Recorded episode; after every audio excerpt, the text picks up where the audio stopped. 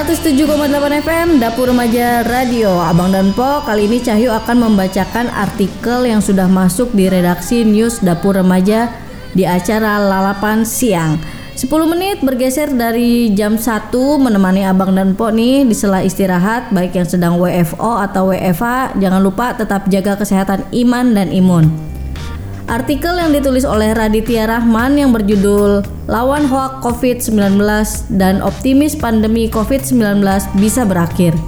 Seluruh dunia, termasuk Indonesia sedang dilanda kesulitan akibat pandemi COVID-19. Di tengah upaya pemerintah untuk cepat mengakhiri pandemik ini, banyak terjadi sebaran informasi hoax seputar COVID-19. Hal tersebut tentu saja merugikan publik. Oleh sebab itu, Masyarakat harus bersatu lawan hoax COVID-19 dan saling memberi semangat agar menumbuhkan sikap optimis bahwa pandemi COVID-19 bisa segera berakhir. Pada November 2020 lalu, Baris Krim Polri mencatat terdapat 104 orang yang dijadikan tersangka karena menyebarkan berita hoaks terkait COVID-19, di mana sebanyak 17 orang ditahan sedangkan 87 orang lainnya tidak ditahan. Data tersebut merupakan gabungan dari seluruh jajaran Polda secara nasional. Data dikumpulkan dalam kurun waktu 30 Januari sampai 24 November 2020. Tentu kita tidak tahu apa yang menjadi tujuan para pembuat hoax seperti itu. Namun, informasi sesat atau hoax tersebut akan membuat masyarakat semakin resah dan menambah ketakutan di tengah wabah yang belum berakhir. Untuk menghentikan tindakan yang tidak bertanggung jawab tersebut, pemerintah melalui Kementerian Komunikasi dan Informatika akan memberikan sanksi tegas pada siapa pun yang terbukti membuat dan menyebarkan hoaks dengan sengaja. Untuk menghentikan tindakan yang tidak bertanggung jawab tersebut, pemerintah melalui Kementerian Komunikasi dan Informatika akan memberikan sanksi tegas pada siapa pun yang terbukti membuat dan menyebarkan hoaks dengan sengaja. Dalam keterangan tertulisnya, Kemenkominfo menyatakan bahwa pelaku penyebar hoaks secara sengaja dapat dijerat dengan Undang-Undang Nomor 11 Tahun 2008 tentang Informasi dan Transaksi Elektronik atau yang lebih dikenal dengan Undang-Undang ITE. Tak tanggung-tanggung, pelaku akan diancam dengan hukuman penjara atau denda hingga mencapai 1 miliar rupiah. Dalam pasal 45A ayat 1, undang-undang tersebut menyebutkan bahwa setiap orang yang sengaja menyebarkan berita bohong dan menyesatkan yang mengakibatkan kerugian konsumen dalam transaksi elektronik bisa dikenakan pidana penjara paling lama 6 tahun dan atau denda maksimal 1 miliar. Kemenkominfo juga menghimbau kepada masyarakat untuk dapat secara bijak memanfaatkan teknologi dan tidak menyalahgunakan untuk menyebarkan informasi hoax. Pada kesempatan berbeda, Wakil Gubernur Papua Barat Muhammad Lakotani meminta kepada Satuan Tugas Penanganan COVID-19 di wilayah tersebut untuk dapat menangkal hoax tentang virus corona baru yang beredar di masyarakat. Lakotani menilai masih ada sebagian kecil masyarakat di Papua Barat yang tidak percaya dengan penyebaran virus corona alias COVID-19. Hal ini bisa menjadi kendala dalam menerapkan protokol kesehatan di wilayah tersebut. Dirinya juga menambahkan bahwa warga yang tidak percaya dengan adanya virus corona tersebut merupakan korban hoax yang beredar di media sosial.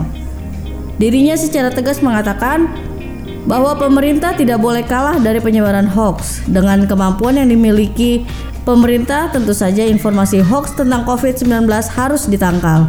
Saat pandemi dan sektor ekonomi mengalami penurunan karena menurunnya daya beli masyarakat, hal ini rupanya menjadi kekhawatiran bagi banyak orang hingga akhirnya muncul beberapa orang yang nekat untuk membuat narasi di mana COVID-19 tidak ada dan hanya hasil pemikiran.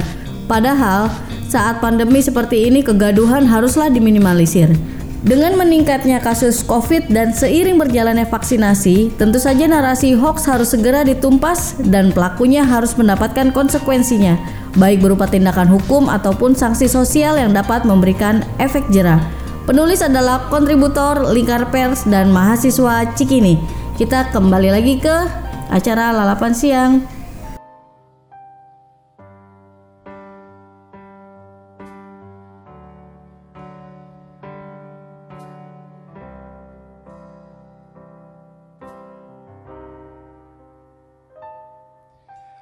Aku hanya bisa terdiam Melihat kau pergi dari sisiku dari sampingku.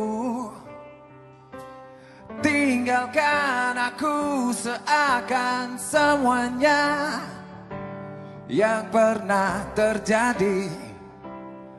Tak lagi kau rasa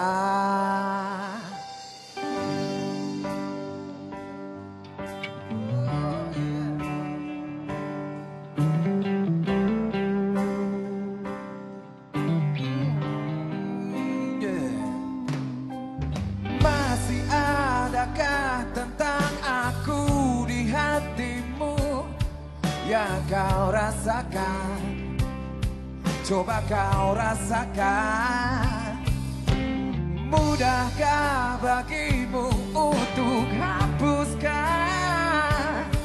Semua kenangan? Yeah, Bersama denganku. Tak pernah sedikit pun aku bayangkan Betapa cinta yang